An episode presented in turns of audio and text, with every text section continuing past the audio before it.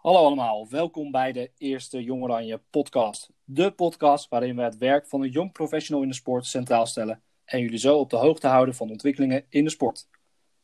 Ik ben Tanner, jullie host van vandaag, tevens aanvoerder bij Jong Oranje Jong Professionals en werkzaam bij de KNVB. Stefan, welkom bij de eerste Jong Oranje podcast.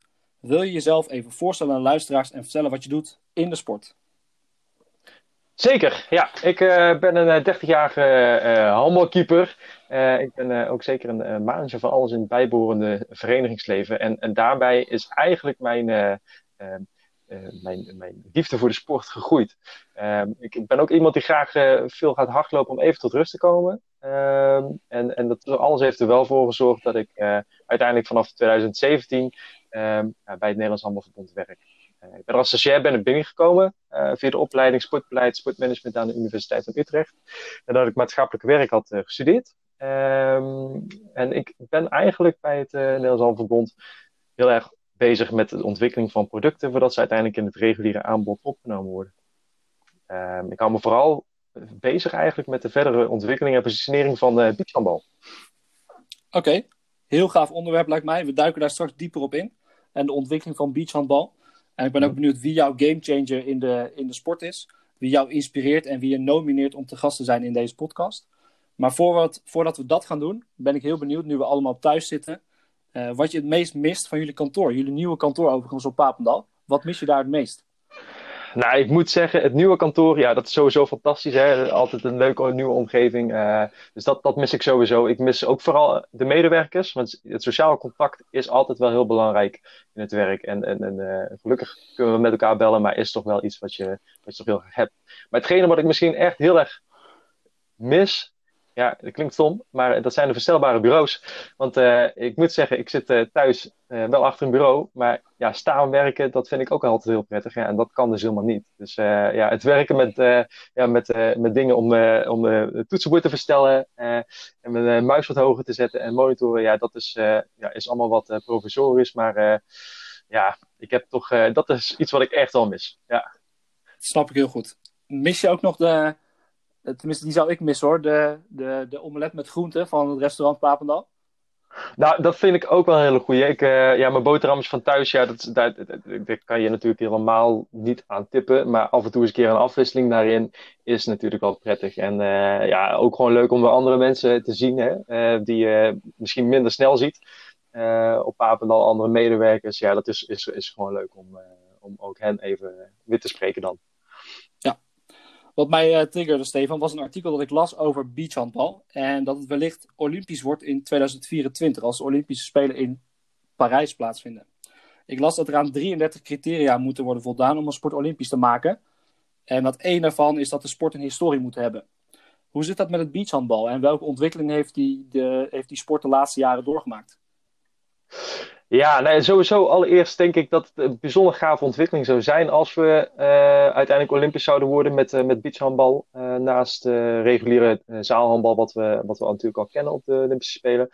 Ja, beachhandbal bestaat er wel even. maar het lijkt door zoveel landen nu te gespeeld te worden dat we, dat we wat dat betreft ook gewoon inderdaad voldoen aan die criteria. Um, die gesteld worden. Um, het, het, mooie ervan is dat je uiteindelijk uh, uh, misschien ook niet allemaal handballanden zijn die al als uh, een normaal regulier handballand worden gezien. Denk bijvoorbeeld aan Amerika of denk aan Zuid-Afrika, ja, die er eigenlijk helemaal geen vertegenwoordiging in hebben. Um, dus je ziet eigenlijk dat de historie ook gewoon wat, wat anders is dan, dan we sport kennen. Sowieso zijn we ja, we moeten eigenlijk teruggaan naar 1992. Toen is, uh, is, is handbal eigenlijk uh, gestart.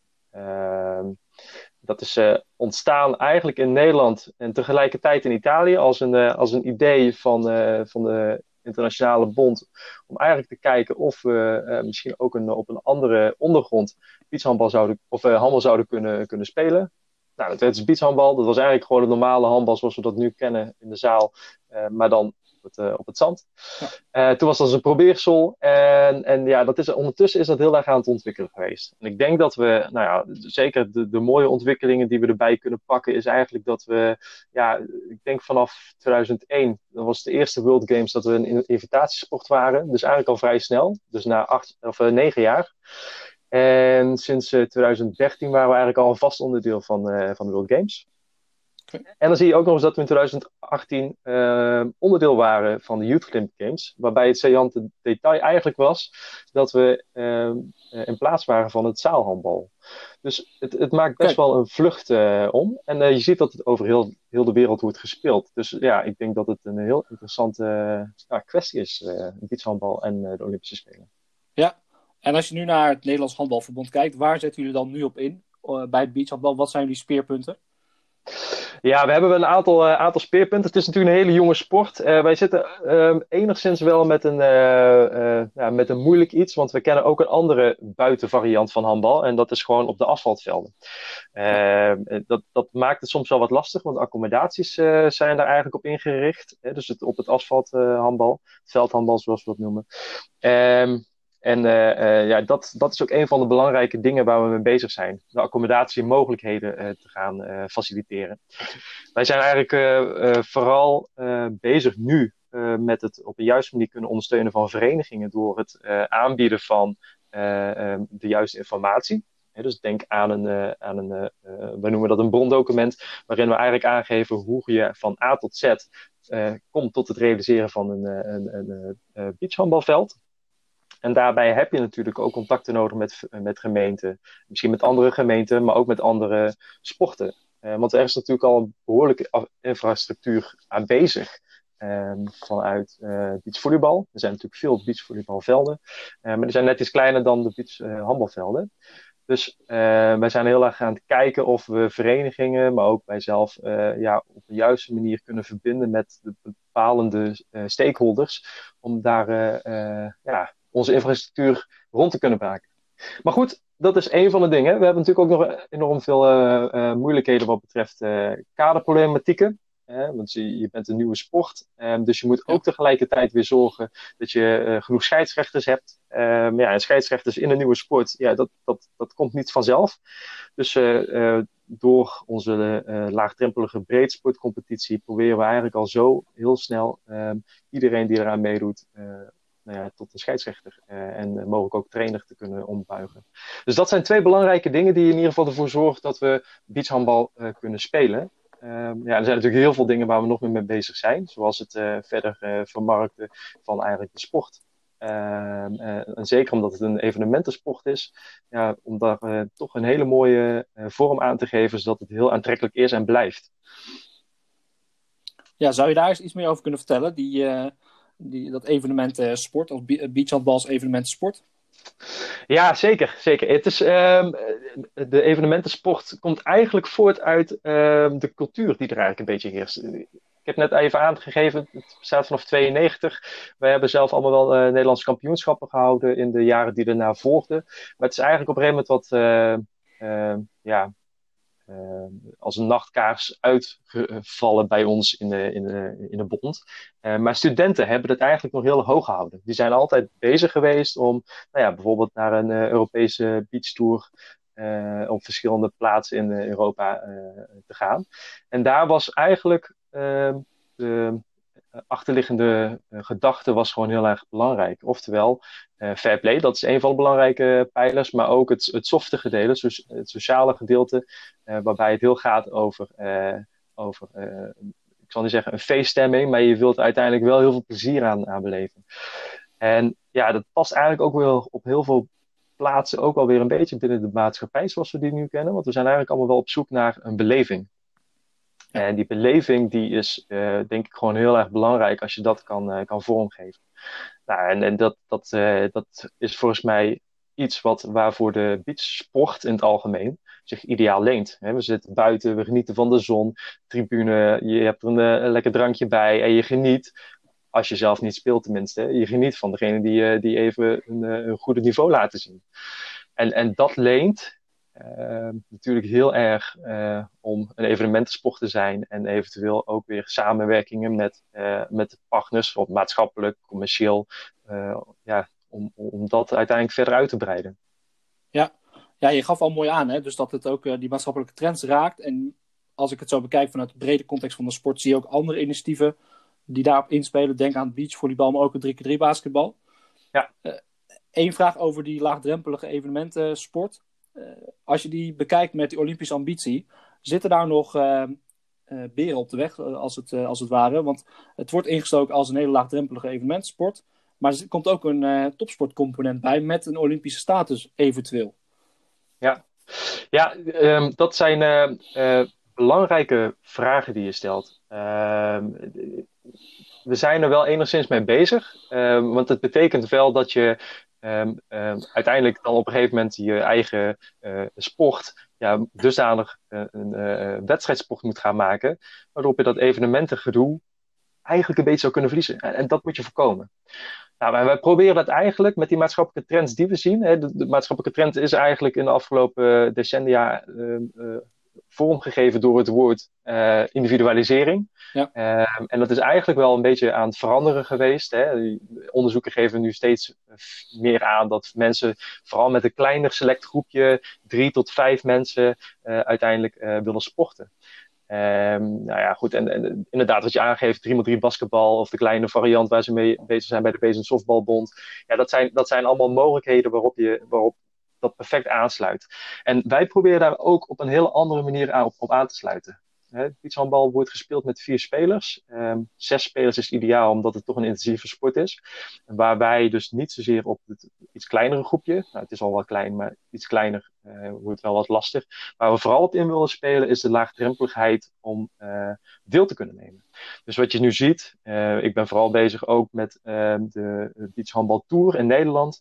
En daar is eigenlijk, dat is de wedstrijdsport, wat uiteindelijk leidt tot Nederlands kampioenschap. En vanuit daar Europese kwalificaties. En nou, um, je wilt daar uiteindelijk de beste spelers wil je hebben. Nou, wat we daar eigenlijk aanbieden, is de mogelijkheid om buiten de verenigingen om um, uh, teams te organiseren.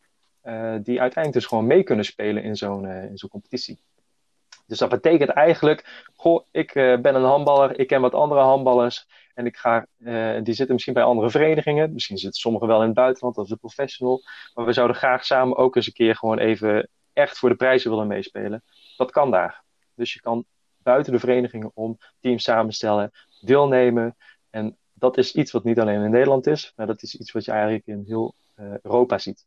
Dus dat, uh, die evenementensport wordt op die manier eigenlijk wel gekoppeld aan, uh, aan de laagdrempeligheid en tegelijkertijd ook gewoon aan prestige. Okay. Mooie, mooie koppeling ook naar wat voor voet in de aarde dit heeft in, binnen jullie organisatie. Want jullie zijn natuurlijk gericht op het, het zaalhandbal en eventueel nog het handbal op straat. Ja. wat, voor, wat voor uitdagingen geeft het in de organisatie als je ook een hele nieuwe vorm van aanbieden en, en eigenlijk weer een nieuwe sport binnen je organisatie hebt? Ja, nou we hebben eerder toevallig al wel zo'n ontwikkeling gehad. Want we zijn ooit begonnen als 11 tegen 11 handbal op voetbalvelden. Uh, en dat is op een gegeven moment is dat naar de zaal gegaan en naar het uh, asfalt, bij ons in Nederland dan voornamelijk, in, uh, ten opzichte van andere landen. Ehm, dus we hebben al eerder zo'n situatie gehad, ehm, maar het, het, is heel moeilijk. waarom is het moeilijk? Het is natuurlijk een, een verandering en verandering leidt allemaal weer tot weerstand. nou, weerstand is misschien een heel negatief woord, maar het, het vergt vooral aanpassingsvermogen. Nou, en dat, dat zie je dus op organisatieniveau en dat is dus niet alleen, uh, denk ik, binnen onze eigen organisatie van Nederlands Handbalverbond, als in uh, het kantoor, maar dat is ook op organisatieniveau bij verenigingen. En daarin zie je eigenlijk wel dat, dat die, of die aanpassing ja, toch heel erg uh, lastig is. Ik heb net natuurlijk al het een en ander uh, gegeven over de infrastructuur die benodigd is. Maar het gaat vooral ook nog wel over het softe deel. Je moet je voorstellen dat veel mensen um, in het verenigingsleven, ook op het kantoor, ja, die zijn al heel veel jaar uh, gebonden aan een bepaalde manier van, van denken of van organiseren, waarbij er eigenlijk twee opties waren. Hè? Je speelt buiten op het veld of je speelt binnen in de zaal. En nu komt er een derde optie bij. En dat zorgt ervoor dat je, nou ja, je moet er weer even wat extra voor, uh, voor organiseren. Want leden willen graag ook fietsen. Ja. Um, en, maar het zorgt er ook voor dat je ja, veel beter moet kijken naar de producten die je aanbiedt. Hè. Dan moet je ergens beachhandbal ook nog ergens gaan plaatsen. Um, ja, hoe ga je dat doen binnen je huidige producten? Dat moet je aanpassen, moet je scherp, uh, scherp slijpen. Je moet weer met mensen in contact uh, komen. Um, dus dat, dat zorgt altijd voor dat dat ja, dat, dat een bepaalde commitment benodigd is. Nou, en die commitment die komt niet vanzelf. Dus dat mensen moeten overtuigd raken. En tegelijkertijd is het ook belangrijk ehm, dat je die producten die je aanbiedt, uh, ja, dat, dat die niet alleen maar aansluiten, maar dat ze, dat ze wat dat betreft ook uh, misschien op sommige manieren ook wel leidend kunnen, kunnen worden. want je moet het niet maar als een kleine handelvorm proberen te profileren, maar als een, ja, als een grote vorm die naast uh, het, het zaalhandel ook staat. en, en ja, dat, dat, is, dat is lastig. En als we dan kijken en, en hoe je het uiteindelijk met de topsport doet, hè, als het dan Olympisch wordt, ja, dat vergt heel veel. Uh, want dat betekent dat je namelijk je begroting, zoals je hem eigenlijk altijd op hebt gesteld, ja, daar komt nog een extra component bij. Um, dus je begroting moet je aanpassen. Je moet nog een extra nationale teams, plus alle faciliteiten die eromheen zitten, moet je gaan inrichten. En je moet uiteindelijk zorgen dat je ook, en daar zijn we ook nog wel mee bezig, om de infrastructuur, de weg van het talent eigenlijk, uh, richting zo'n topsportgroep, uh, de nationale selecties, ja, om die ook nog eens te bewerkstelligen. Nou ja, en, en dat betekent dus dat je op verschillende manieren uh, ja, toch uh, uh, ja, heel veel vraagt van je organisatie. Ja. ja. Als we teruggaan naar het begin van ons gesprek, en het is waarschijnlijk koffiedik kijken, hoe kijk jij tegen de nominatie, de Olympische nominatie voor 2024? Denk jij dat dat dan gaat lukken? Nou, ik moet zeggen, ik, uh, ik ben heel erg positief natuurlijk. En dat komt vanuit mijn eigen tunnelvisie, namelijk beachhandbal. En daar ben ik heel positief over. En het is um, tegelijkertijd ook wel gewoon eentje waarvan uh, het altijd de vraag is of er genoeg politiek gewicht achter zit. Uh, ik denk dat het er is. Hè. Ik denk vanuit uh, Frankrijk is ze zeker hard, uh, zijn ze hard bezig om dat uh, bij hun eigen NOC aan te geven. En ik weet ook dat er vanuit de internationale bond, heel veel handelbond, heel veel kracht achter wordt gezet. maar je moet altijd opnemen tegen andere sportvormen. En ik, ik, ik hoop heel graag dat het gaat gebeuren. Ik heb er ook wel een gevoel bij dat het, dat het zeker kan gebeuren. Maar het hangt van zoveel factoren af. Ik vind hem heel lastig om te stellen, maar ik, uh, ik, ik, denk gezien de ontwikkeling die hij de afgelopen jaren heeft, uh, heeft uh, meegemaakt, en ik denk ook gezien de kracht wat in principe de, onze internationale handelbond erachter zet, ja, dat er best wel eens een kans zou kunnen zijn dat het er inderdaad komt. Ja. Okay. Die schrijven we in ieder geval, die noteren we in ieder geval. Ja. dat brengt ons naar alweer een van de laatste onderdelen van deze podcast, de game changers in de sport de rubriek waar onze gast van de podcast zijn of haar gamechanger in de sport deelt. En vertelt wat we van die gamechanger kunnen leren. Stefan, aan jou de eer om af te trappen. Wat is jouw gamechanger in de sport? Ja, mijn gamechanger. Ik moet zeggen, ik, uh, ik ben er ook zelf al een beetje bij betrokken. Dus vandaar ook eigenlijk wel dat ik er uh, wel wat meer informatie over heb. Maar mijn gamechanger is in dit geval uh, Roel van der Weijden. En Roel van der Weijden is nu werkzaam bij het NOC-NSF. Um, en hij coördineert samen met uh, bijvoorbeeld uh, Jens van der Kerk een clubkadercoach traject.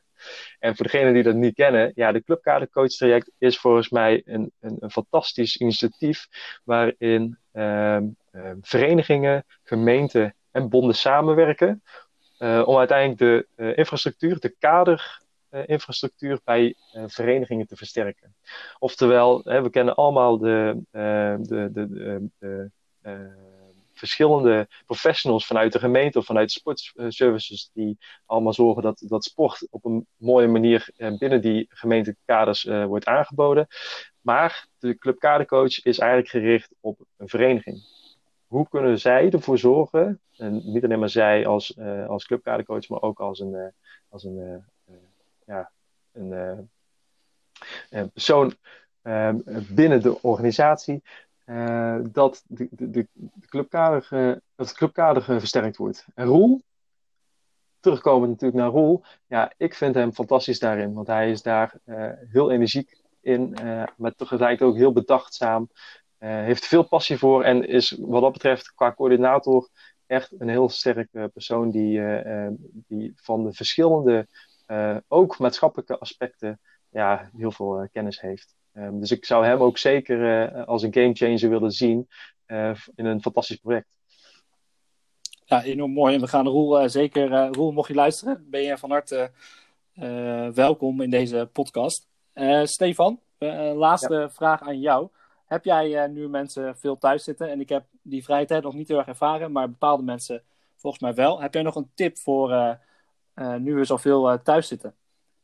Ja, zeker. Nou, sowieso. Hè. Ik, ik vind dat iedereen uh, even om het uur uh, even een paar push-ups moet doen of een paar squats. Hè, om even in beweging te blijven. Want je komt toch veel meer in, minder in beweging dan je normaal gesproken gewend bent. Maar om even tot rust te komen, lekker een boek pakken. En ik denk dat. ik ben zelf bezig in The Game van Alessandro Parico. En het gaat eigenlijk in het kort over de digitalisering. Uh, en die digitalisering die de afgelopen decennia heeft, uh, heeft plaatsgevonden. En die uiteindelijk zichzelf steeds meer uh, ja, prominent naar voren toe laat komen. En eigenlijk beïnvloedt onze maatschappij dusdanig ja, dat we misschien ook wel afhankelijk worden van, de, van die digitalisering. En de huidige generatie, dus volgens mij 2015 of 2016 begint die, uh, de generatie Alpha, ja, die zijn eigenlijk al zo ver dat ze al na een paar maanden, levensjaren, weten hoe ze die digitale uh, producten eigenlijk zouden moeten, moeten bedienen. En ik vind het dan ook wel echt interessant om dan de koppeling te maken met, uh, met sport. want zo zie je ook bijvoorbeeld uh, heel veel van interactive walls verschijnen, waarin je gewoon als een balsport daar um, tegenaan kan gooien. Of het is eigenlijk begonnen met squash, dus tegenaan kan slaan. Waarbij je eigenlijk in, ja, impliciet ook bezig bent natuurlijk in de digitale wereld. misschien ook wel tegen elkaar opneemt. Maar te, tegelijkertijd ehm, zeker ook leert om je, je spel te verbeteren. En ik, ik zou het heel gaaf vinden als ik zeker uh, ikzelf, maar de wereld zelf, de sportwereld, uh, ja, nog verder kan kijken hoe we, en het liefst nog een paar stappen naar voren toe kijkend, hoe we uiteindelijk de generatie Alpha toch op, op hun wenken kunnen gaan bedienen, zodat ook sport zoals wij dat kennen, ja, toch nog mooi vormgeven zal worden in de komende jaren. Ja, mooie, mooie afsluiting, Stefan. Een hele mooie tip. Ik ga in ieder geval het boek lezen. Ik wil heel erg bedanken voor je tijd en verhaal over het beachhandbal. Uh, en dat brengt ons alweer aan het einde van deze eerste Jong podcast. Laat ons vooral weten wat je ervan vond. En heb je een tip voor een gast of onderwerp? Of wil je misschien jezelf de gast zijn? Het kan allemaal. Laat het ons weten via onze socials of via jongoranjenetwerk.gmail.com. Stefan, nogmaals bedankt. Het is graag gedaan.